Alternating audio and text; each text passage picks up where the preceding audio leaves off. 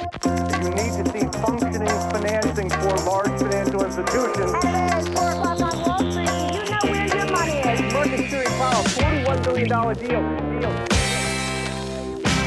Förutom att det har varit väldigt stökigt på börsen i dessa coronatider, så det vi har kunnat hålla fast vid det är ju åtminstone utdelningarna på börsen. Nu har vi fått en tsunami av utdelningssänkningar och vem är då inte bättre att ta med i podden än Marcus Hernhag som gillar det här med utdelningar och eh, styrketräning också förvisso. Så att eh, jag säger varmt välkommen till Marcus Hernhag. Kul att ha dig i podden. Tack så mycket, trevligt att vara här. Det är ett år sedan du var här, så det var ju god tid för en repris. Det är jättekul att ha dig här. Och på din profil så ser man ju på Twitter då att du skriver att du är författare som älskar aktieutdelning och träning och du driver ju också då bloggen hernhag.se. Jag tänker så här, dels är det lite jobbigt just nu med utdelningar på börsen, vi kommer att komma in lite mer på det. Men är ditt gym ens öppet just nu? Eller, eller är allting nattsvart just nu i Hernhags liv? Nej då, gymmet var stängt eh, ett par veckor men har öppnat. Men det öppnar ju för andra typer av träningsmöjligheter. Det finns löpning och utegym och, och lite sånt där istället så att jag håller igång och kan skingra tankarna och sen kunna fokusera på aktier och så vidare. Och för egen del så har ju ytterst få bolag har ju, som jag äger mycket i har ju sänkt. Utan det har, det har stått sig bra hittills så att eh, hoppet om de säkraste utdelningstrenderna lever. Det låter underbart. Jag som försöker hitta mig en liten ursäkt det här med, med träningen och att gymmet är stängt. Du, du är optimist, du hittar till utegym och löpning och sånt där istället. Så att det finns alltså inga ursäkter. Och det är lite grann som på börsen kanske. Det finns inga dåliga väder, det finns bara dåliga kläder. I den här typen av tider så tenderar man ju att eh, hitta goda lägen för den som är lite långsiktig. Och det är ju du. Men Marcus, hur ser du på marknadsturbulensen just nu och, och hur mår du när, när det stökar så här? Hur, hur känns det? Jag mådde väl eh, lite halvdant egentligen. Det var, man kan väl beskriva det som att marken gungar väl lite under fötterna sådär. Det inte var eh, varje år man tappar miljonbelopp i värden på en månad men eh, jag har ju ändå lyckats rätt bra de senaste åren och så länge utdelningstrenderna i det stora hela står sig så eller återhämtar sig så att alla andra krascher tidigare har ju alltid vänt upp till bättre tider igen förr eller senare. Och jag har ju påverkats mycket mer av tidigare krascher. Jag mådde som sämst eh, 2002. Eh, det här har jag ju faktiskt varken skrivit eller sagt offentligt tidigare men när jag pluggade på högskolan i början av 00-talet när jag blev klar 2000 då hade jag studielån jag köpt aktier för plus ja, ungefär lika mycket eh, eget kapital. Men det gick jättebra 99 och sådär. Men sen 2002 då var hela egna kapitalet i just aktieportföljen borta och mer därtill. Så då kan man ju säga att belåningen var uppe på 110 procent. Eh, och efter 9-11 börsuppgångar, jag hade lite enformig arbetsuppgift och inte riktigt hitta mig till rätta i, i Stockholm. Jag var ganska nyinflyttad kände jag. Och så att det var tufft, men eh, jag gav aldrig upp hoppet och det gör jag inte nu heller. Och det blir ju bättre och bättre. Jag fick ju tillbaka allt och mer till tids nog bara för att inte ge upp. Och en lärdom är ju att man aldrig ska belåna sina aktier för då hade det varit game over. Eh, uh, jag hade ju allemansfonder vid sidan av så att ja, man ska komplettera med, med en del fonder utifall att. Och uh, jag ägde också min bostad som var ganska lågt belånad också. Eller tillräckligt lågt så att man... Jag, var inte, jag blev inte utplånad så att säga. Det är det allra viktigaste i en sån här krasch. Att coronasäkra portföljen och även dina tillgångar. Det är det viktiga. Om du sen får stryk av index eller inte är en helt annan sak. Om du gör bra eller dåligt ifrån det spelar ingen roll så länge du inte permanentar dina förluster. Sälj aldrig på botten och lämna börsen helt. Men det kan du bli tvingad till om du har belånat aktierna eller har ja, det händer något utanför så att det är väldigt viktigt att, att stanna kvar så att säga nu. Ja, för det där tänker jag också. Jag menar, du har ju varit med i podden här i fjol, så att du som lyssnar på det här vill lyssna till det avsnittet så får du leta ner i, eh, i, i listan så att säga, så kan du kanske börja med det avsnittet och pausa det här avsnittet och sen fortsätta här då. Men du sa under eh, 2002, eller den nedgången IT-kraschen då, 99 steg ju börsen 71% så det var ju en, Eh, och det var bara börsen. Det var förmodligen många bolag som steg mycket mer än 71%. Sen föll börsen eh, 73% under 947 dagar. Vissa utplånas ju helt och hållet. Hur, eh, hur har de tidigare kriserna hjälpt dig när det kommer till coronakrisen? Coronakraschen får man väl kanske nästan kalla det nu. Hur har de hjälpt dig? För jag menar, man lär sig hur man reagerar och hur man sen agerar och man lär sig mycket om sig själv så att säga. Jag menar, det, man behöver ju inte göra affärer. Man behöver ju inte springa till säljknappen bara för att man får jätteont i magen, kanske till och med tarmvred. Någon gång kommer ju panikförsäljningarna att, att lugna ner sig och fundamenta och siffror kommer ju att börja betyda någonting igen. Och det, där kanske vi redan är idag. För först då var det ju kraftiga paniksälj. De tidigare kriserna, hur har de hjälpt dig genom den här perioden som vi nu har befunnit oss i i en månad och några dagar? Eh, jättemycket faktiskt. Jag har blivit väldigt härdad. Framförallt har jag lärt mig vad jag ska fokusera på och inte fokusera på. Hur jag ska tänka och hur jag ska placera. När jag nästan bara hade IT-aktier 2000 så lärde jag mig en hård läxa på ett par år. Så i finanskrisen och den kraschen 2008 så hade jag mycket mera riskspridning.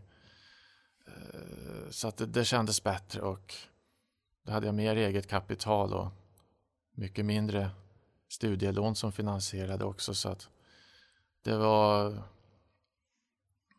det var, det var värst då kanske. Första gången jag var intresserad av börsen 98 då lärde jag mig att det kunde gå ner jättesnabbt och det här utan anledning 39 procent på tre månader ungefär. Och sen kom den långa nedgången till 2002 att okej, okay, börsen kan mer än halveras, aktierna kan mer än halveras. Så absolut, det sämsta du kan göra i en enskild aktie är att du är långsiktig och det är fel aktie. Det är fel placering, fel bolag och du tänker jag har is i magen, sitter still i båten, floskel, floskel och så. Nej, då är det det absolut sämsta man kan göra. Så att, att testa eller tänka. Du måste ha utveckla en förmåga där du kan avgöra. Är det här verkligen ett bra bolag? Går bolaget verkligen bra? Annars sälj rakt av. Eh, det, det tog ett tag att komma in i, i det och framförallt utdelningsstrategin. Att titta mer på utdelningar än vinster, värderingar och framförallt aktiekursen. Att ingen utdelningsinvesterare slutar ju vid direktavkastning och utdelningstrend eller utdelningstillväxt. Men om man åtminstone börjar där, åtminstone fixa den mest grundläggande biten i analyspyramiden så kan man ju bygga på det mer och mer med fler, fler faktorer och tankesätt. Det tycker jag man ska men någonstans där, dividends don't lie. Castellum höjde ju utdelningarna genom hela finanskrisen och har nyss höjt den nu också menar de har goda marginaler. Så att hoppet lever och ju mer man hittar till en lämplig strategi och ju mer van man blir att se hur förlusterna till slut vänds till vinster bara för att man ligger kvar. Så desto mer kan man titta på rätt saker. Det är otroligt mycket skräckscenarion hela tiden. Det var därför jag var så pass fullinvesterad nu på vid toppen att jag har ju hört att eh, ja, Många har ropat vargen kommer ända sedan finanskrisen i princip och då blir man helt avtrubbad mot allt. Alla negativa varningssignaler. Och till slut så kommer det en varg men då kom den så otroligt snabbt den här gången så att det var ja, snabbaste nedgången i förhållande till djupet under de 22 år som jag har följt börsen. Ja, där får man ju säga att det här är den snabbaste nedgången någonsin i modern tid i mannaminne för någon nu levande människa. Eh, vi kan väl dra till minnes att eh, under andra världskriget så föll Dow Jones 37% under fyra år. Den här gången föll Dow Jones 38% under en månad. Så att vi har ju aldrig någonsin sett den här hastigheten. Och jag kan tycka att eh, hastigheten i nedgångarna Eh, började någonstans, eller åtminstone hamnade på min radar någonstans vid den här non-farm payroll-siffran den 2 februari 2018 när eh, det var ett, ett, högre lönetryck än vad många hade trott och då tänkte man att åh, herregud, nu kommer Fed höja räntan. Måndag den 5 februari fick vi ett rejält nedställ och det gick jättefort. Korrektioner, det får vi vanligtvis. 32 av senaste 36 åren, eller tre av senaste 37 åren om vi räknar med 2020 har vi fått korrektioner. Eh, det är vardagsmat, det får vi i princip varje år. Och jag tror att jag säljer in mig i den här tråkiga, mindre smickrande klubben eh, att ha förlorat miljontals kronor på, på väldigt kort tid. Men å andra sidan så kan jag då tycka att det spelar liksom ingen roll för att det, det har varit så snabb nedgång. Så att jag kalkylerar nästan att min förmögenhet ökar eh, betydligt i framtiden som tack för den här snabba nedgången. För både du och jag Marcus är ju ackumulerare. Mm. Vi har oerhört lång tid på vår sida och kan fortsätta fylla på innehav under lång tid. Och du säger att buy and hold och floskler. Jag känner att jag kan få lite, lite eksem när jag bara tänker på buy and hold det, för det är ju inte buy and hold, utan jag försöker hitta liksom rätt portfölj med rätt bolag, med rätt förutsättningar, med rätt utveckling av fundamenta, men det jag kan fortsätta att köpa på mig hela tiden. När vi är på break-even plus minus noll, då vill jag vara rejält på plus. Jag har köpt massor under den här nedgången. Jag har aldrig varit så aktiv som jag har varit nu. Eh, ja, jag vet, och jag var lite, lite, lite för tidig. Alltså. Ja, men jag var lite för tidig på bollen. Jag har kastat in snart ett, ett års sparande på en månad. Och kommer att fortsätta göra det, för jag tar bara på mig störtkrukan. Jag har sagt att köp när det gör som ondast och jag tänker praktisera det. För det är fortfarande bara pengar. Och jag vet att det kommer att vända. Eh, frågan är bara när och vi måste orka hålla ut. Men till dig Marcus, känner du att, känner du, att du har den optimala portföljen med bolag där i eller darrar du på manschetten att känna att så här, jag kanske inte har till 100% optimalt eh, de bolagen jag borde ha. Jag kan säga att jag inte har optimalt de 100%. Förmodligen inte, portföljen är ju en evolution över tid. Men känner du att de bolagen du sitter på nu är de du vill ha där i och bekvämt kan fortsätta fylla på dem även om det skulle fortsätta stöka? Ja, jag har coronasäkrat portföljen. Ja, utveckla. Eh, sen har jag inte oljeprissäkrat den än. Men om vi tar det coronasäkra först. Ja, jag sålde Boston Pizza Income Trust Royalties, någonting vad de ens heter. Det är för långt. Men Boston Pizza, men restauranger kan stängas. Hur många av deras franchisetagare kommer ens att överleva? Och så vidare. Så att jag sålde i tid innan utdelningen drogs in ungefär. Eh, inte för att det är kortsiktig timing eh, är särskilt bra, men jag investerade i annat som jag tror mer på kan Eh, kan vara säkrare under kommande året men som ändå kan studsa upp rejält. Eh, jag sålde också Las Vegas Sands för lyxresorter i Las Vegas och eh, Macao i Kina. Det känns som att det kan slå hur hårt som helst. Jag vet inte. Då är det bättre att köpa lite mer. Så jag har ökat i Castellum, Stora Enso, eh, Nobina. Eh, ja, riktigt bra bolag jag har köpt. Hexagon har jag köpt tillbaka efter att ha varit borta i drygt ett år. Fortum också. Alltså kan man köpa elproduktion och sopförbränning och fjärrvärme då för långt över 8 procent i direktavkastning. Så ja, men vi stänger inte av elen. Folk kan sluta gå på i sällanköpsbutiker och restauranger. Jag vet inte hur länge. Det kan komma en ny liten våg av coronavirus i höst i värsta fall. Jag vet inte. Så att jag, jag rensar lite några innehav och investerar i annat som jag tror mycket mer på långsiktigt och som så på så vis känns det bra. Sen okej, okay, jag har ett par pipelinesbolag i, i Nordamerika då som aktierna mår dåligt av oljepriskrisen men de bygger mer på volymer än oljepris för sin intjäning och det är jättelånga kontrakt. Men eh, vi får se. OneOak klarade utdelningarna genom oljeprispressen 2015-2016. Och var ner på en 26-27 dollar fatet där 2016. Något sånt där. Ja. Och eh, Enbridge har ju sedan 1955 tror jag de aldrig har sänkt utdelningen, inte ens oljekrisen. 70-80-talet liksom. Så vi får se, det är upp till bevis på de två fallen men eh, själva coronabiten så eh, när jag har kvarvarande aktier det är bara Beijer Alma som skjutit upp en del av utdelningen till i höst. Ja, i värsta fall blir det inget mer i höst då men resten är mina utdelningar omräknat till en viss summa på årsbasis. Den eh, årssummautdelningen ligger ju precis strax runt eller strax under rekordnivåer. Så mina kassaflöden är ju faktiskt var jättebra. Men, ut, men aktiekurserna har fallit. Så länge utdelningarna står så är ju det en drömtillvaro. Det är det bästa som kan hända, att det blir billigare men man fortfarande får utdelningen och kan återinvestera. Men jag vet verkligen inte. Det kommer säkert att bli några smällar till i portföljen. Man måste ju vara lite ödmjuk. Det kan inte vara över redan och alla utdelningar liksom klarar sig så här bra. Men när jag går igenom det är de känsligaste och mest konjunkturkänsliga bolagen som har sänkt eller slopat sina förslag. Men mer om det sen. Ja, men det tänker jag också. Nej, man får inte bryta strömmen för då kan vi inte twittra och vi kan inte podda. Däremot om man bryter strömmen så blir det lite kallt så då kan det finnas en, eh, en, liksom en våg av 18-20-åringar om som behöver bostäder. Så då kanske det blir ett ökat tryck på ettor och tvåor. Det är liksom, man får alltid se guldkornen, man får se ljusglimtarna.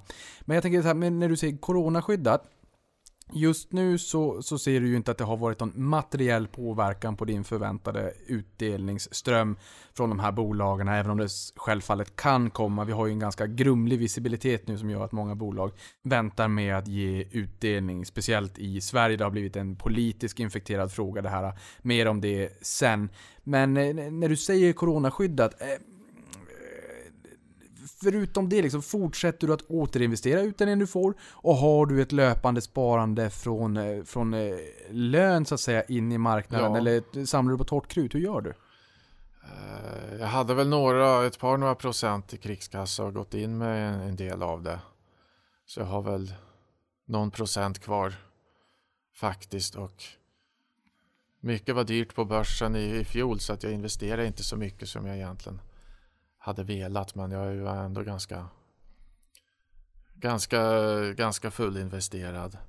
Men eh, alltså om man coronasäkrar portföljen, undvik alla sällanköpsbutiker. Dels för retail-döden och e-handel och sånt där svåra omställningar och dels det här. Så mycket sånt, men även konjunkturkänsliga eh, bolag eller bara svajare bolag. Vi lär oss väldigt mycket nu genom att titta på vilka bolag som har störst problem. Så att eh, jag har köpt lite mer och kommer att köpa mer men eh, jag hade köpstopp förra veckan i alla fall utan nu ska tiden få gå lite grann och se hur det känns. Jag har ökat om det fortsätter upp så det känns bra men jag har lite mer och även lite sparande i övrigt som skulle kunna gå att stoppa in om det fortsätter ner så att just nu känns det rätt, rätt skapligt. Börsen får gärna stå stilla ett halvår för min skull. Liksom. det var ju lugnt. Jo, nu har vi dragit det här plåstret och nu har det ju svidit till lite grann när man har sett värdena sjunka. Och bara som en liten disclaimer när jag sa att det nästan är ett årssparande. Jag hade en, en eh, en, en, ett konto med en löneväxling som har stått likvid i ett år. Det har varit en bedrövlig affär, men jag visste inte vilken strategi jag skulle använda mig av. Och sen kom det ganska eh, lägligt under den här nedgången. Men och det föll och föll och jag skalade och skalade och köpte, köpte, köpte. Det föll, jag köpte, det föll, jag köpte, det föll, jag köpte. Och har liksom krigat det där till att det har blivit en, en, en hygglig eh, plusaffär. Men det har ju också inneburit att jag behövt köpa och köpa. Och till slut så går man ju på grund vad gäller torrt krut. Så nu får man liksom vänta till lönen som kommer in löpande. Och jag tolkar det som att du både liksom använder utdelningen plus lön och att man faktiskt kan, eh, kan fortsätta och köpa. Jag menar, du har ju varit med i många kriser tidigare. Har du sett den här typen av, alltså jag vill ändå hävda på att det är ganska unikt det vi ser nu med, med så här eh, många slopade utdelningar. Vi var in på det nyss också, det är en politisk fråga i Sverige. Har du någonsin varit med om att vi har fått en sån här eh, tsunami av slopade utdelningar på börshavet? Eh, I finanskrisen, ja, fast det unika nu är att de ändrar sina egna förslag. Jag har bara sett det en enda gång någonsin tidigare och det var Fingerprint som ändrade sitt utdelningsförslag en vinter. Men annars hade det aldrig hänt tidigare under de, de senaste decennierna. Så att det här är en helt unik situation att många ändrar sina förslag faktiskt. Så att det, det, är, det är intressant. Ja, men jag tänker också den, den yielden vi ser nu, den direktavkastningen vi ser på börsen, det är klart att den har ju ökat dramatiskt i, i takt med att börsen var ner minus 33,8% som mest i Sverige då. Det är klart att då ökar ju eh, direktavkastningen ganska dramatiskt på pappret. Men sen vet vi inte vad som händer med E1. Vi vet ju inte vad som händer med vinsten. Det är ganska grumlig visibilitet just nu. Vi vet inte hur länge viruset kommer hålla i sig och vad det kommer få för, för långtgående implikationer. Men eh, hur räknar du på när, när du tittar på direktavkastningen på aktier nu? Är det så att du känner att jo, men den här nivån på utdelning är hållbar, men jag kanske får blicka ett, två år framåt i tiden? Eller, eller eh, hur, hur tänker du liksom? Det beror väldigt mycket på, på vad det är för bransch. Jag tror det är uthålliga nivåer i till exempel många IT-bolag med egna produkter. Allt från Visa och Mastercard i USA till ja, Hexagon i Sverige, Vitec, liknande. Det är låga direktavkastningar men det är stabila utdelningar. Eh, man ser ju också att många teknikbolag har inte fallit så mycket som börsen i genomsnitt. Jag tror till och med jag hade en sån artikel på Placera nyligen om fondflöden. Att det var otroligt stora utflöden från företagsobligationer men inflöden till techfonder. Så att, eh, att välja rätt bransch som klarar sådana här kriser, som klarar finanskrisen men som ändå är neutrala eller helst gynnas av de långsiktiga samhällsförändringarna. Fixar man ett så oerhört grundläggande penseldrag är väldigt mycket vunnet.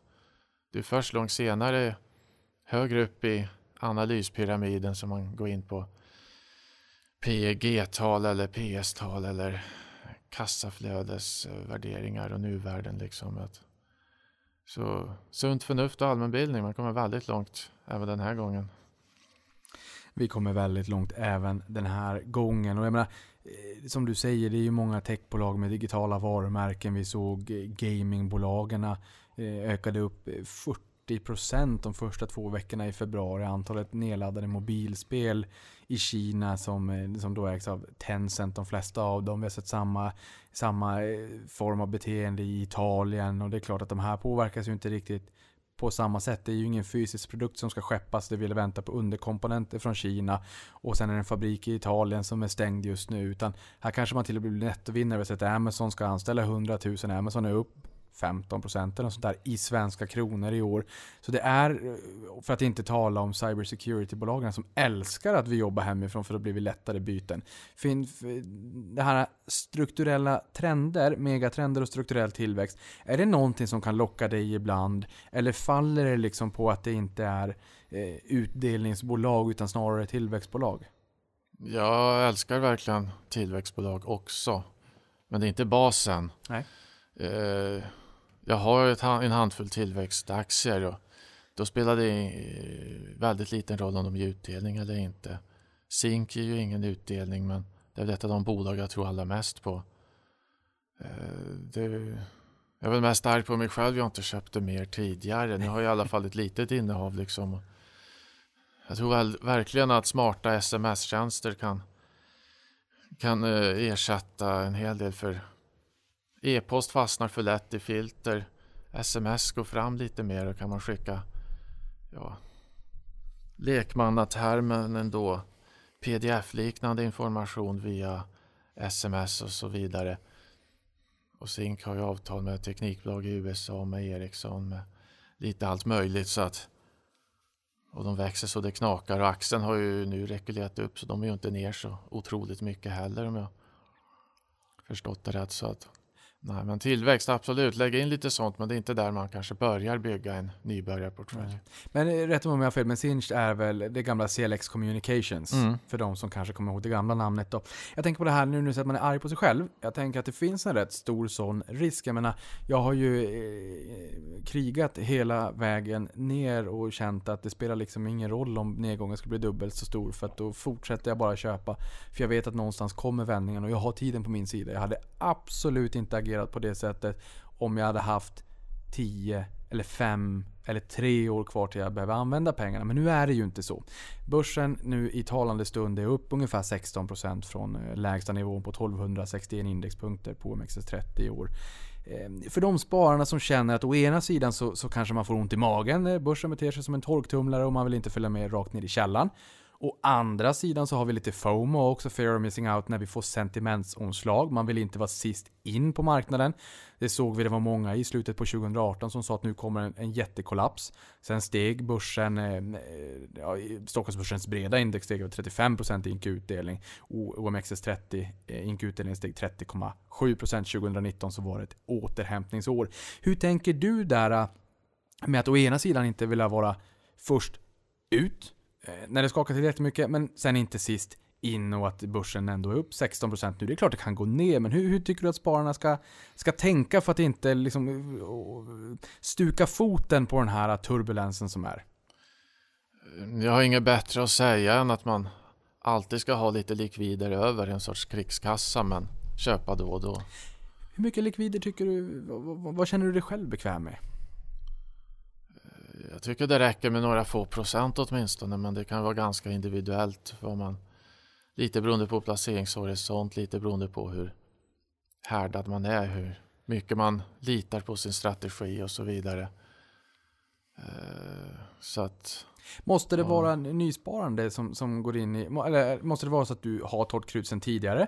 Eller kan det vara nysparandet som, som adderar på torrt krut? Eller kan det till och med vara så att du behåller en del av utdelningarna som kommer så att det får liksom fylla på kassan med torrt krut? Eh, Eller är det liksom en, en mix av de tre olika? Ja, det är nog en mix. Jag, jag har aldrig känt något som helst behov av att snabbt investera i en utdelning. Utan det får alltid ackumuleras för mig tills jag samlar ihop utdelningen och går in på en eller ett fåtal innehav.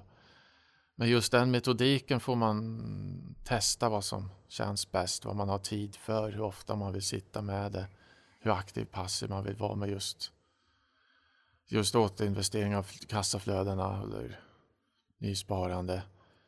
Uppesittarkväll är väl ett jättebra initiativ men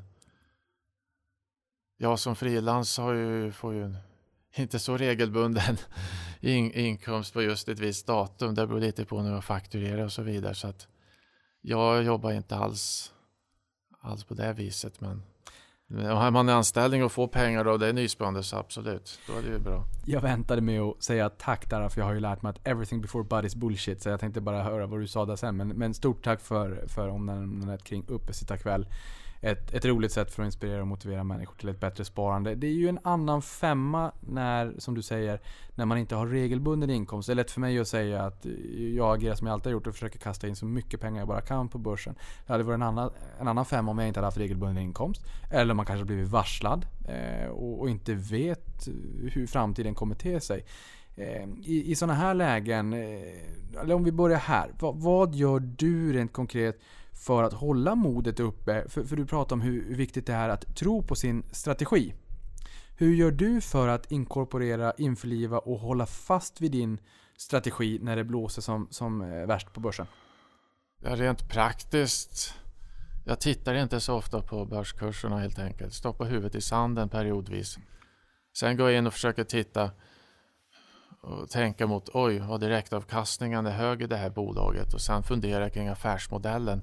Klarar de krisen? Eller, eh, kommer de att gå stärkta ur det här och så ser man det ljusa i situationen helt enkelt.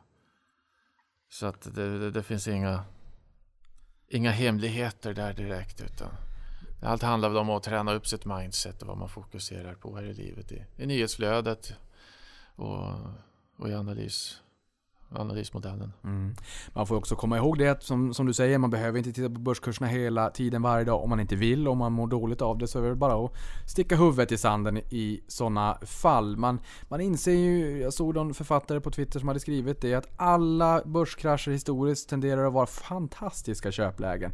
Eh, och man kan backtrade och titta på grafen och tänka wow, det där, jag menar, botten, botten IT-kraschen fick man över 30% om året i Kagger-siffra. Eh, botten IT-kraschen fick man 23, eh, finanskrisen fick man 23% om året i Kagger-siffra. Nu är det eh, helt omöjligt att komma in med hela kapitalet på, på bottennivån. Eh, eller ens kanske nysparandet så att säga. Men teoretiskt, ju mera neråt det går, desto bättre köptillfällen när man har lite grann tiden på sin sida. Men är det så att får man ont i magen, perfekt Marcus. Det är ju liksom, stick huvudet i sanden då. Utdelningarna Ja, kommer ju bara årsvis om den inte är uppdelad. Så att så här, man behöver ju inte titta 250 gånger om året varenda börsdag för att vänta på utdelningen som kommer en gång om året om det är en strategi. I nödfall kan man faktiskt sälja lite också. Eh, ja, alltså min erfarenhet är att säljer du även oerhört liten andel av dina aktier, eh, några promilleenheter, sista handlingen styr psyket är min erfarenhet. Så även om du behåller nästan allting, har du bara sålt 10 aktier av 1000 så Ja men går det ner ändå sen du sålt? Ah, jag tog hem lite i tid. det, det, det, det är så dumt så jag vet inte men nej, känslomässigt det finns en sån effekt. Så att, och så lite mer krigskassa, man kan eh, någonstans där att ja, temporärt sälja lite grann men så länge du inte permanentar en förlust och säljer och drar och sen kommer man på långt senare, oj då, nu har börsen gått upp och jag har stått utanför och så köper man och så blir det en rekyl ner och man kastas fram och tillbaka. Nej, men en liten marginell eh, knep då, sälj minimalt bara för att lura dig själv. Ja men det där är ju jätteroligt, för köper man en bil exempelvis, en dyr kapitalvara, då kommer man ju att titta på varenda bilannons därefter och se, gjorde jag rätt val eller inte? Jag känner igen det där, när man köper en aktie, eh, portföljen kan vara tusen gånger större än vad det där köpet är, men det kommer fortfarande vara så att det är det sista köpet, jag tittar på min köpkurs i förhållande till senast betalt, för att det känns så nedrans bra om du plockar 1, 2, 3, 4, 5, 6% på en affär, vilket har varit enkelt att göra i de här tiderna, sen har det fallit dagen efter. Men det har varit enkelt att kunna göra bra affärer intradag för att det har varit sån extrem panik och det har varit såna extrema slag. Men den rörelsen på en kanske plus flera procentenheter är ju en piss i Mississippi i förhållande till om portföljen går ner 1%. För att det är mycket mer kapital i portföljen. Men det är ju så nedrans skönt att se att man fick en bra affär. Den sista affären. Ja, psykologi. Men det är roligt och vi, jag tror att vi alla fastnar där.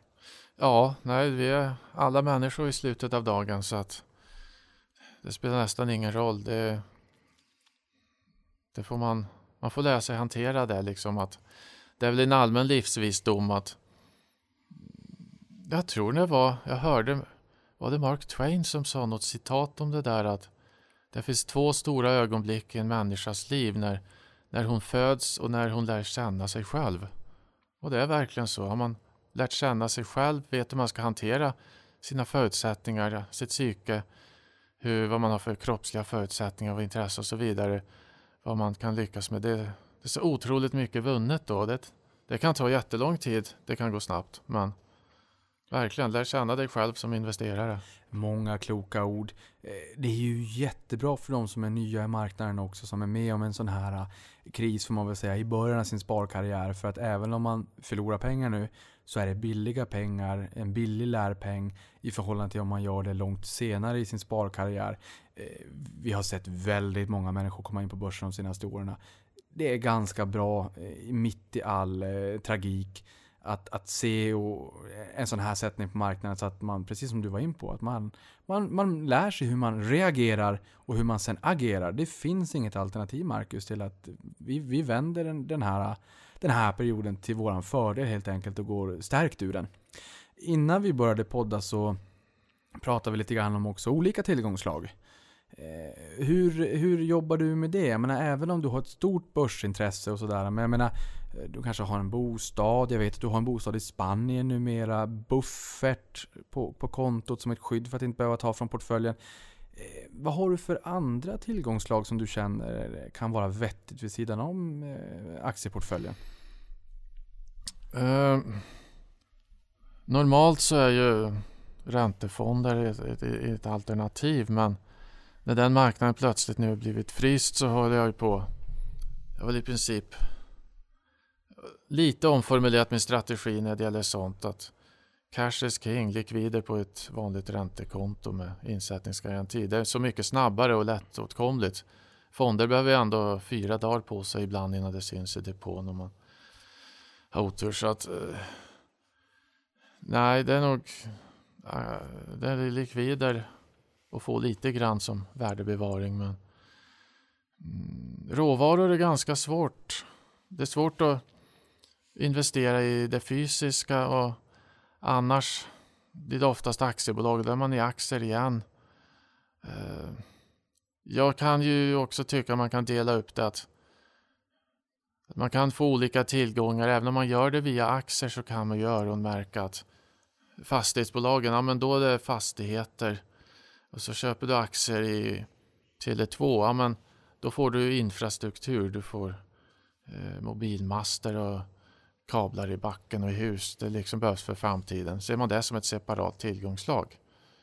Eh, det är fortfarande aktier men och det, priset rör sig på börsen ganska mycket, både uppåt och neråt. Alla aktier faller och stiger ungefär samtidigt. Men man kan tänka lite så att man delar upp eh, tillgångarna på så sätt att man inte bara vanliga rörelsedrivande bolag utan jag menar köpa skog, ja man kan direkt äga skog långt ute i börsen men då måste du ju kunna veta när du ska gallra och inte och sånt där och det är en helt annan så det är så otroligt enkelt via, via börsen.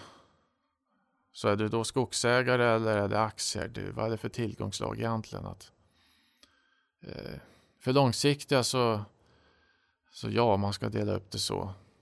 Kortsiktiga, nej, då är det ju aktier mot räntor, mot råvarupriser, mot eh, ja, egna bostadens värde. Så att, mm, det beror lite på vad man har för filosofi helt enkelt. Ja men det är väl ändå klokt att man kan få lite olika tillgångslag på börsen. Alltså aktier generellt. Du pratar om räntor, räntefonder. Vi har skogsbolagen, eh, SCA och Holmen är ju två stora i Sverige. Eh, du har råvarubolagen och även om du adderar på operationell risk och sådär. Och det är ju inte bara som att följa underliggande utvecklingen på, på eh, en råvara utan man har massa stora fabriker och personal och allt sånt där. Men, du, men, men ändå det här med att, att tänka lite grann så med, olika branscher och du kan ju få olika alternativa tillgångslag i de underliggande bolagen som du äger. Så det är ju en, det är ju en vettig påminnelse. Det kanske är liksom mm, ja, fint som korvspad. Det kanske är solklart för många som lyssnar men alla kanske inte riktigt har tänkt så. Så att vill du äga olika tillgångslag, du behöver ju inte springa och köpa en skogsfastighet med allt vad det innebär i detaljkunskap etc. Utan du kan ju faktiskt få exponering på börsen. Så det, det är kloka medskick.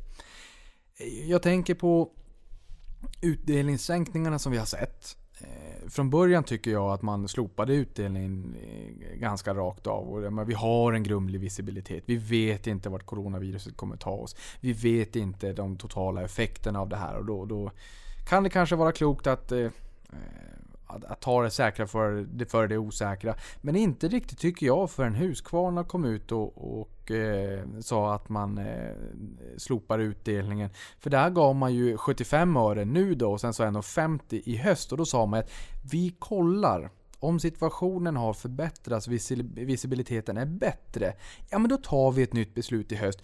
Jag kan ha fel, men jag tycker någonstans ändå att där såg man ett trendbrott och att nu är det mer regel än undantag att bolagen säger att vi tittar en gång till i höst istället. Hur, ser du på det här? Tror du att vi kommer få en, en rejäl utdelningssäsong? Jag menar april och maj är ju de högtiden för utdelningar, klassiskt sett. Även om vissa har börjat dela upp det här lite grann. Tror du att vi kommer få se en utdelningsvåg i höst istället? Ja, det tror jag. Um... det är 16 bolag som har ändrat sig och så sänker utdelningen men funderar på att dela ut mer i höst. Och hoppet finns ju där till exempel för att Telia eller liknande ska, ska dela ut lite mer då om det håller på att vända. Men framförallt kanske Assa Abloy och Atlas Copco med deras jättelånga trender kommer att dela ut resten då. Ehm, så att jag är väl egentligen mer förvånad att inte fler bolag inför kvartalsutdelning eller halvårsutdelningar nu. Bolagen vill ju ha jämnare kassaflöde och så sprider man ut det då. De blir ju ännu mer flexibla när de gör så här och skjuter upp beslutet eller beslutet om en del av utdelningen.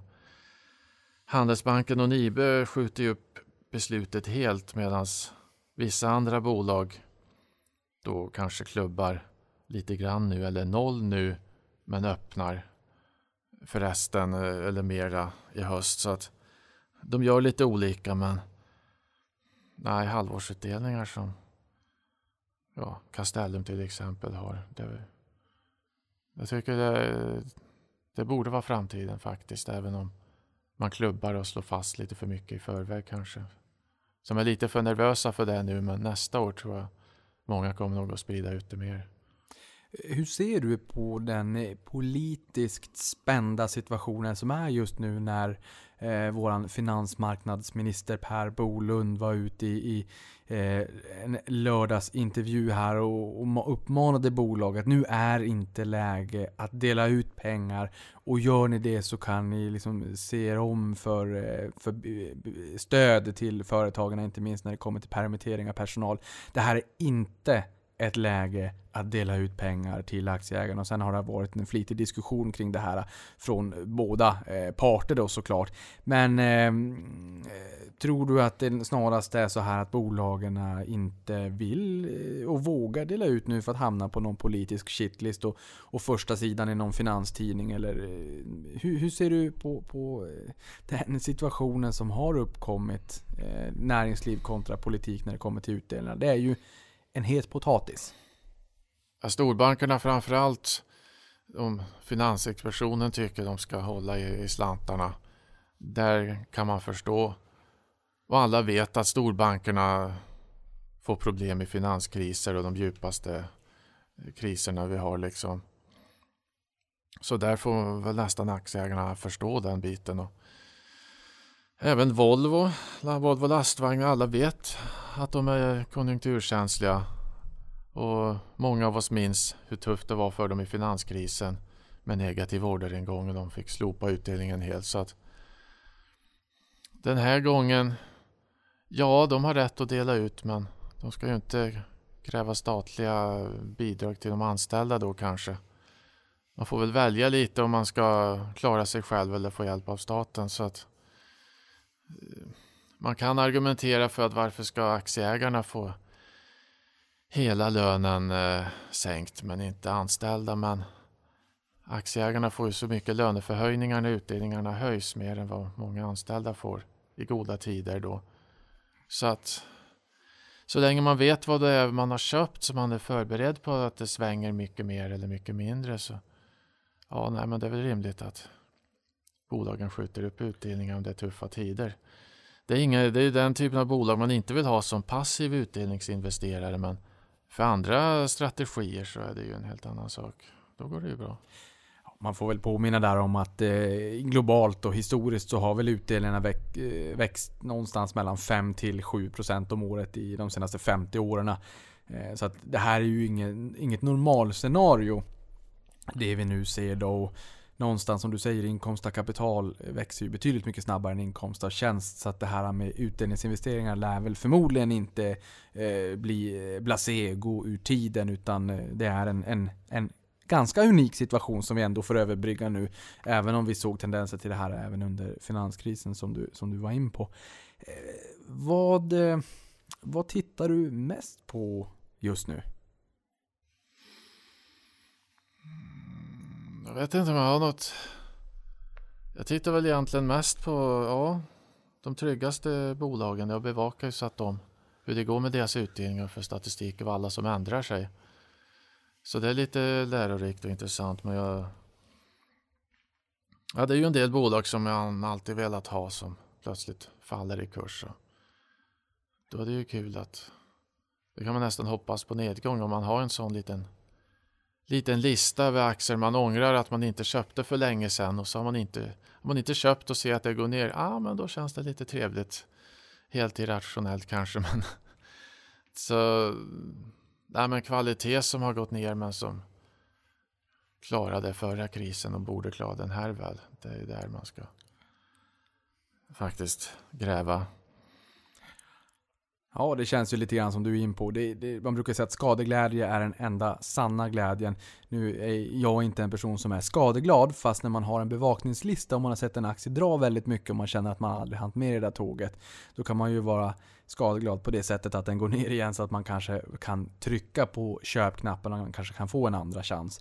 Eh, jag tänker, vad är det som eh, primärt får dig att trycka på köpknappen just nu? Är det någon, liksom, eh, är, är det liksom en bra bolag, bra direktavkastning som inte sänker, som du känner att ja men där köper jag? Eller är det de här bolagen som du har velat ha men som har varit för dyra, där du har lyckats trycka på köpknappen när de har kommit ner? Eller vad är det den senaste tiden som har gjort att du har tryckt på eh, köpknappen? För just eh, det avgörande för mig är att aktien väger lite för lite i portföljen i förhållande till utdelningstrend, direktavkastning, hur historiskt låg kursen har blivit, gärna konjunkturstabilitet. Jag väger samman det där och tycker att ja, men har den gått ner så mycket eller har Beijer Alma fallit så pass rejält och direktavkastningen är så här på ja, en normal utdelning ett normalt år.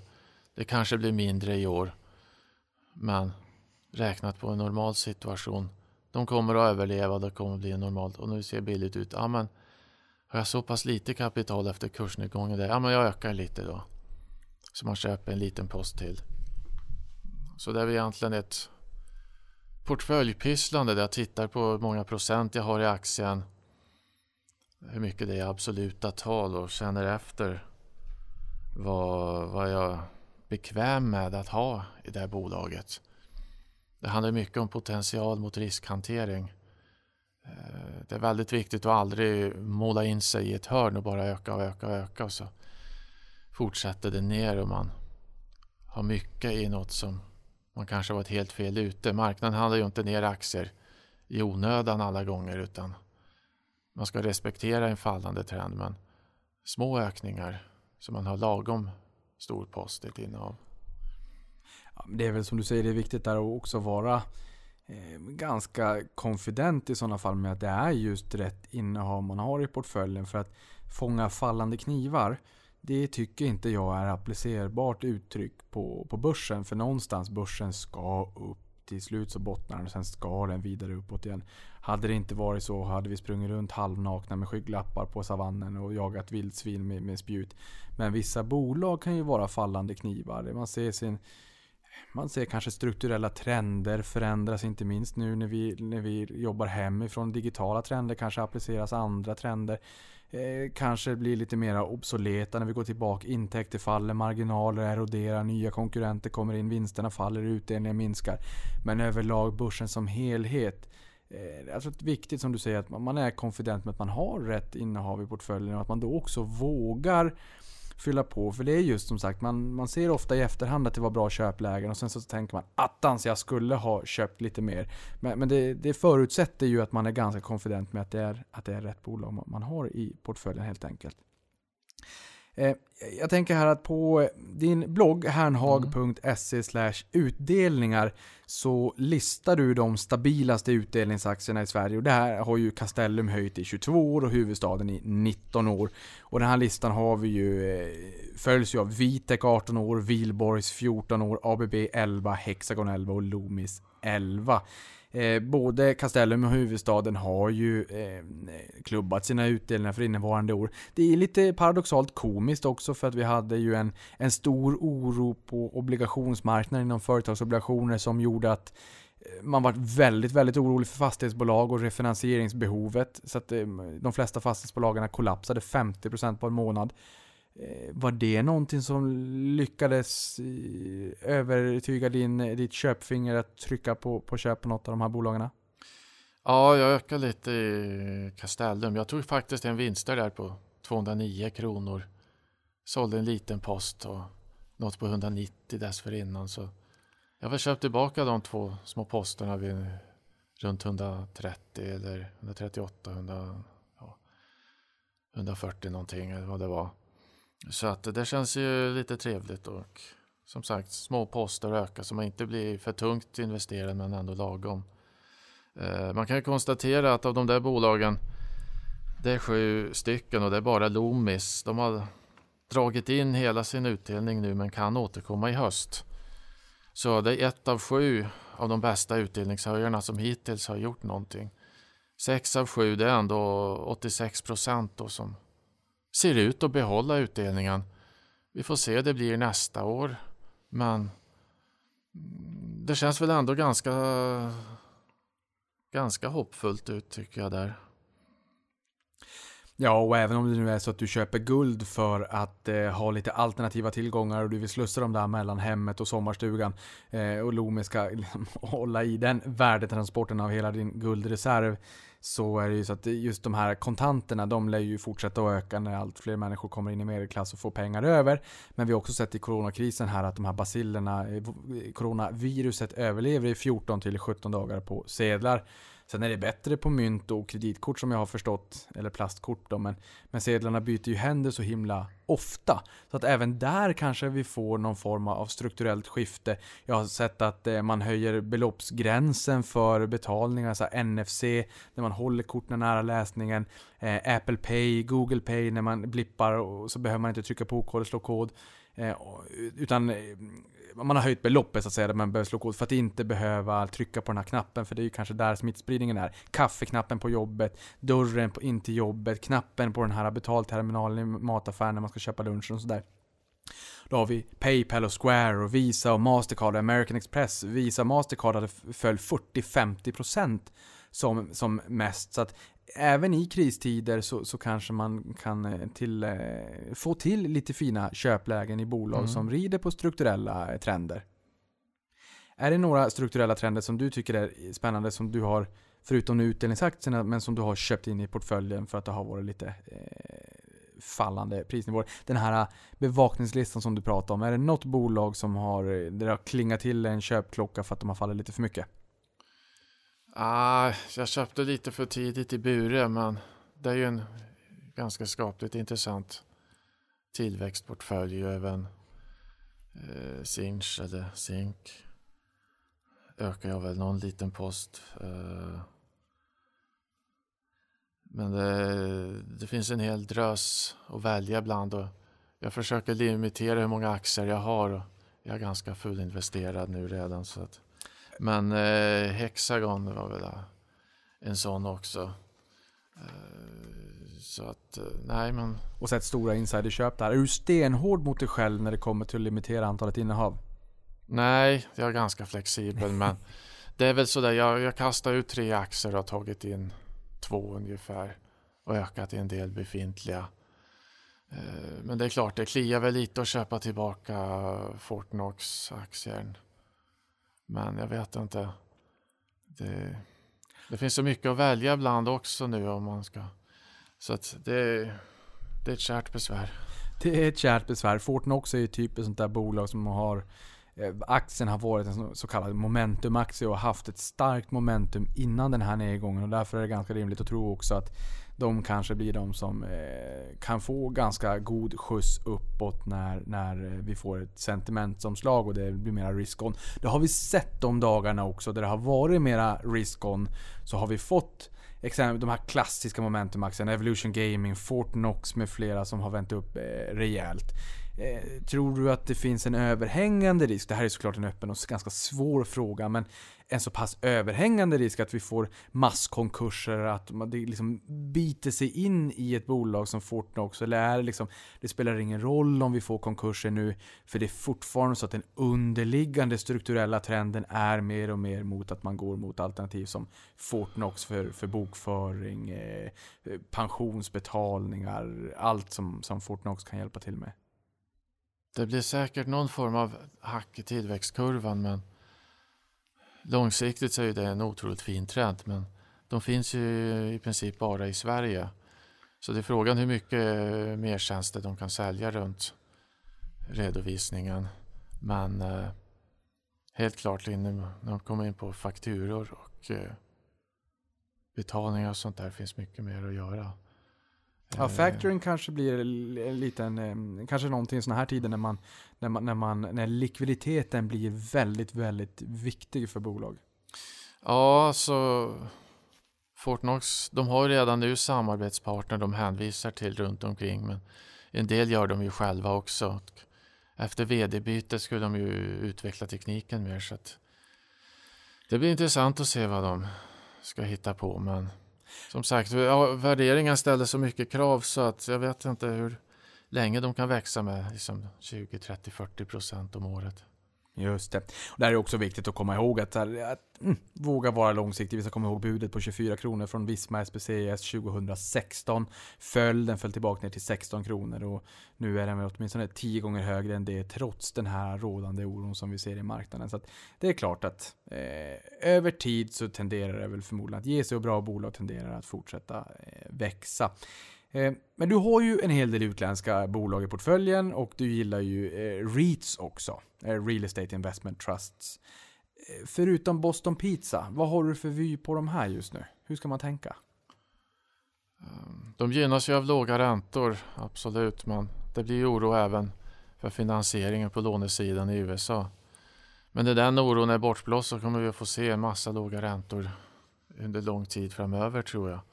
Jag har ju sen, jag tio år har jag haft eh, japanscenariot som det mest grundläggande eh, på konjunktur. Och ja, det är låg inflation, det är låga räntor. Det spelar ingen roll hur mycket man stimulerar, det blir ingen riktig inflation. Men nu är det så otroligt mycket stimuleringar som de kommer aldrig att kunna dra tillbaka allt det i tid. Men med så mycket arbetslöshet som sätter då extra press på löner och därmed press på inflation och därmed press på räntor. Så att jag vet inte, men något år kommer det att bli väldigt hög inflation för att de har stimulerat för mycket. Men jag vet inte vilket år eller ens vilket decennium.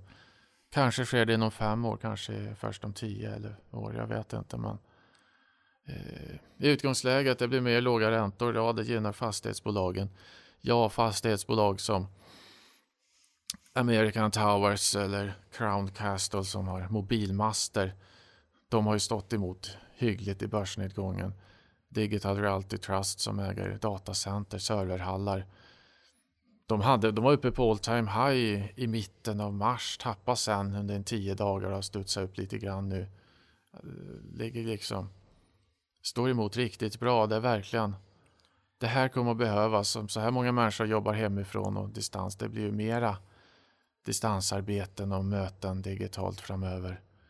Och det blir mera sakernas internet, mera artificiell intelligens och så vidare. Så allt det här med mobila, att få reala tillgångar men ändå inom IT tycker jag är en eh, fantastisk liten nisch. Eh, du eh, driver ju även privata affärers aktiechatt varje fredag om jag har förstått det hela rätt. Eh, Jag vet inte intensiteten på den, jag vet att den är fredagar, men är det varje fredag? Ja, Det är varje fredag. ja vi har kört sedan november eh, 2009 så det var tioårsjubileum i höstas. Det är ju en, det är ungefär 10 000 frågor ungefär jag svarat på. Det är drygt eh, 40 chattar om året och drygt 20 svar jag hinner med så att det blir ju något sånt där. Så, så, man skulle kunna säga att du har fått de flesta frågorna som man kan tänkas få mer eller mindre.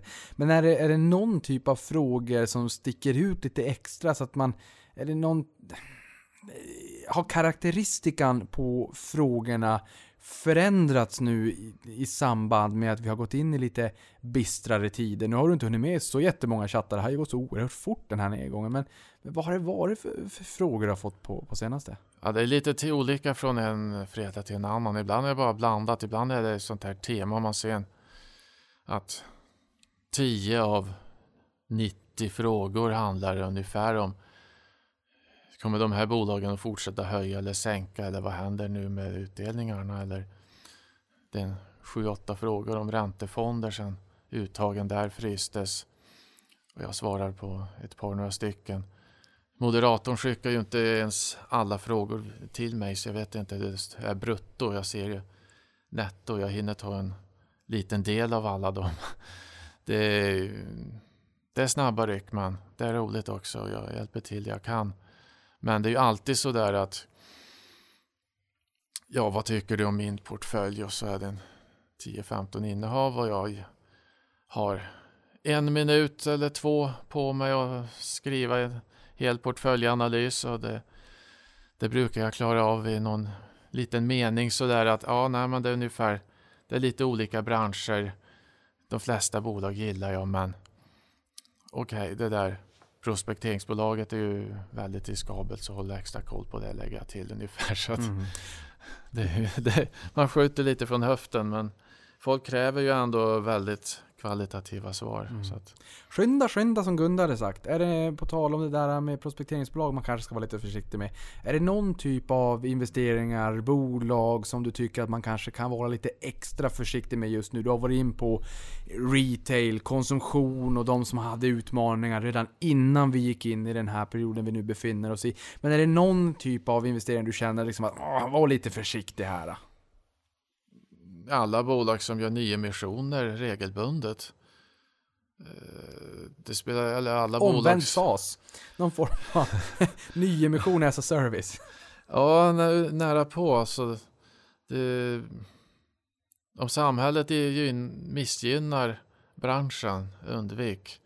Eller om det bara är bolag som nästan alltid går med förlust och inte växer ordentligt. Alltså, det kan vara allt från eh, Anoto till... Eh, jag begriper inte hur någon skulle kunna våga. Senaste åren i, i MQ, VRG, RNB, Odd Molly, WeSec. Klädkedjorna, alla går det mer eller mindre uselt. Och nu är det flera av dem som har företagsrekonstruktioner och konkurshot i dotterbolag och grejer. Så ja, självklart så jag är inte förvånad. Vissa branscher har det svårt, vissa bolag har dålig historik. Men det händer så fantastiskt mycket intressant och bra här i världen Niklas. Så att det finns ingen anledning att chansa på skräp, chansa på kvalitet. Chansar du på Fortnox? Ja, oddsen är ju ändå bättre än om du, du chansar på Precise eller något sånt där. Fingerprint är ju intressant att fundera på men de hoppas ju kunna ha fingeravtrycksavläsare på sina plastkort. Ja men vad ska vi med plastkort till i framtiden om allt finns i mobilen redan? Att kortnumren finns i Apple Pay, Google Pay och man betalar på det. Så kanske den marknaden försvinner helt. Vad vet jag? Så är det krånglig historik och svårt att veta om det verkligen är framtid ja, men kompensera dig då genom att hålla nere andelen som du har i den aktien. Eller undvik helt. Jag är glad jag har undvikit sällanköpsbutiker mot konsumenter sedan våren 2017.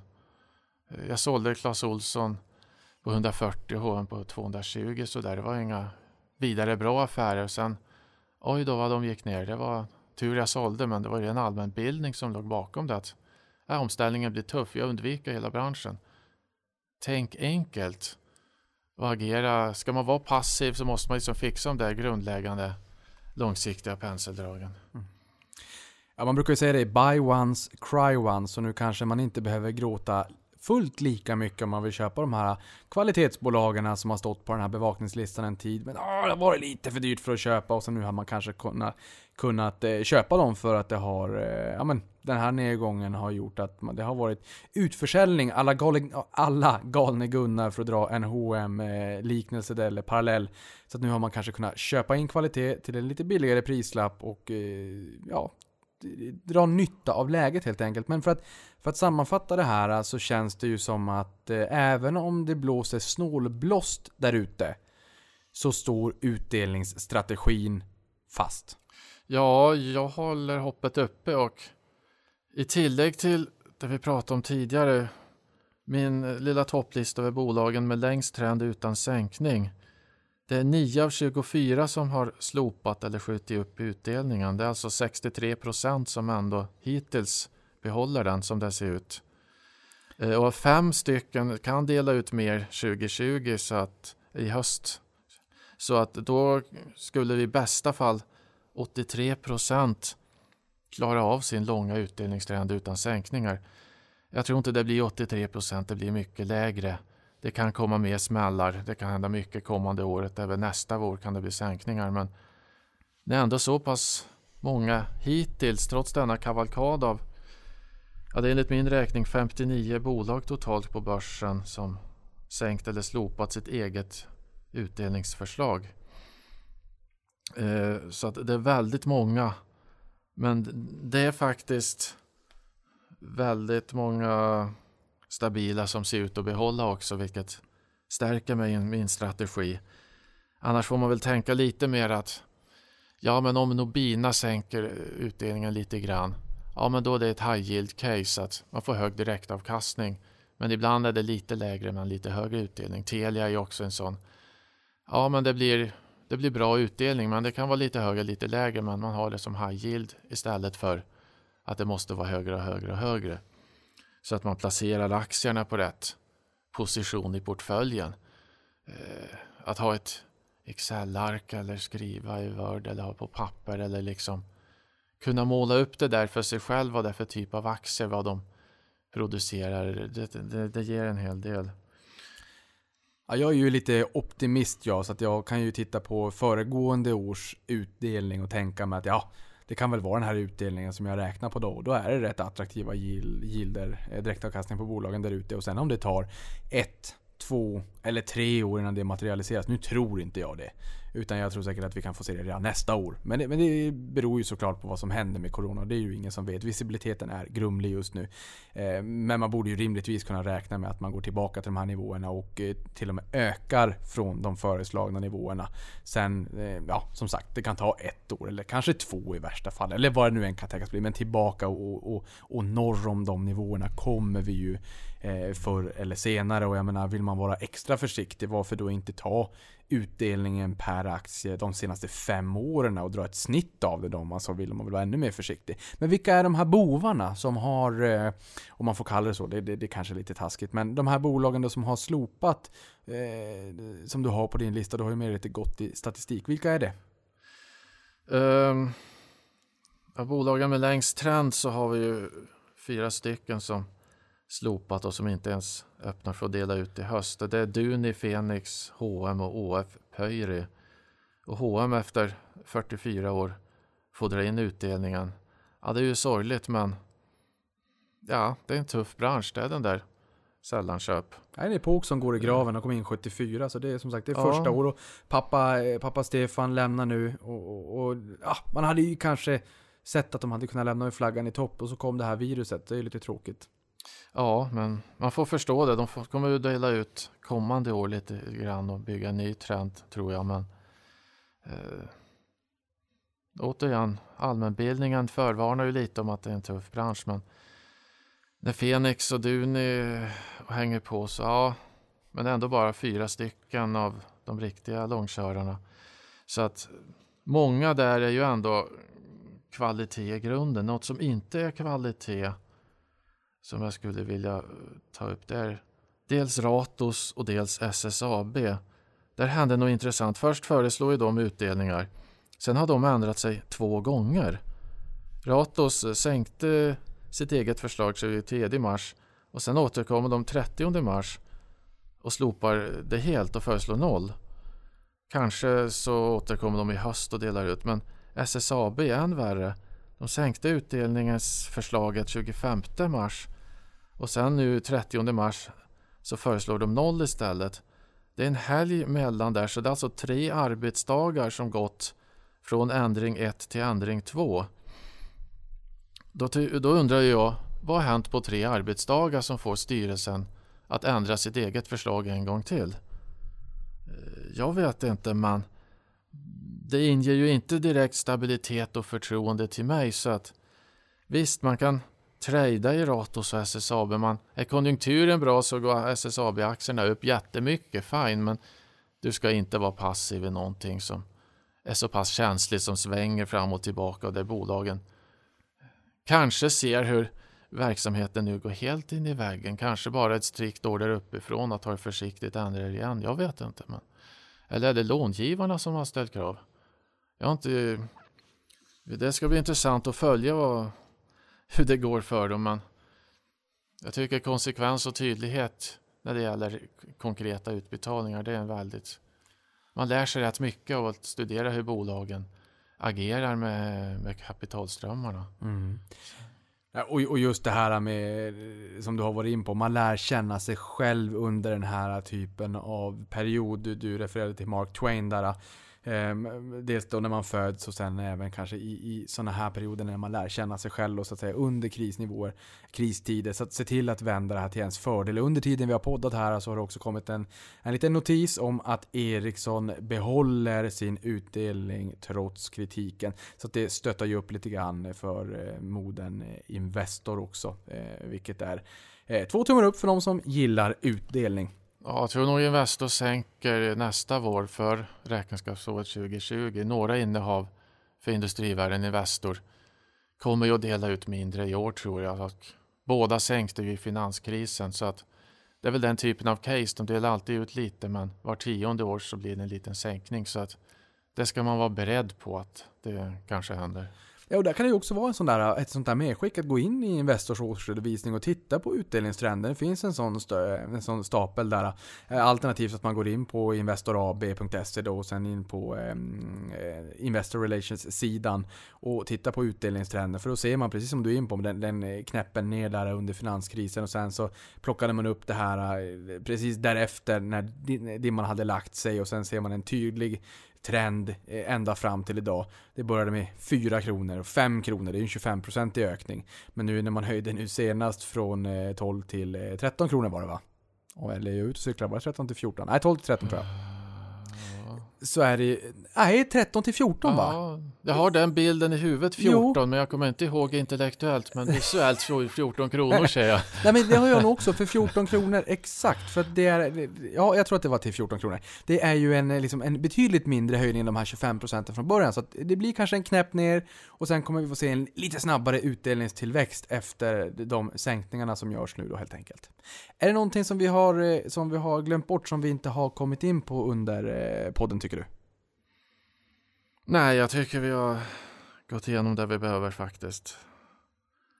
Så att, eh, ja, det här får lyssnarna smälta och begrunda och sen omfamna eller ommöblera strategierna om så behövs. Alltså, men det här är ju en ekonomi, en beteendevetenskap så att man ska inte nödvändigtvis göra som jag tycker man ska. Men det, ja, lär känna dig själv. Ja, vi var ju tvungna att kolla upp det här också. Det var ju en höjning från 13 till 14 kronor. Så att eh, den höjningen, eh, som vi, vi, sa här, efter eh, finanskrisen så höjde man då upp, eh, bara med 4 kronor och en höjning från 4 till 5 det är ju en 25% i ökning. Men höjer du från 13 kronor till 14 kronor, då är det 7,7%. Det var den minnesbilden, 7, 7, 7,7 där någonting jag kommer ihåg, det är därifrån vi fick det. Det är ju en betydligt mycket mindre utdelningshöjning, alltså utdelningstillväxten i procentuella tal blir mindre för varje år som går i Investor i och med att de har Det är lite komiskt att man höjer en krona om året men för varje år som går så blir utdelningshöjningen lite mindre. Ja, fast det är konsekvent och tydligt men ja. Ja, det är konsekvent och tydligt. Så det här är ett medskick till er Investor. Var konsekventa och tydliga och dela ut 14 kronor i höst. Och med det sagt Marcus, tusen tack för att du kom till podden och delade med dig av din klokskap och hur du tänker och hur du faktiskt agerar under de stökiga tiderna vi går igenom. Och till dig som har lyssnat på det här, stort tack för att du lyssnade och för din tid så hörs vi snart igen. Tack och hej. Leverpastej. Torr humor. Money, Sterling filed a $41 billion deal. deal.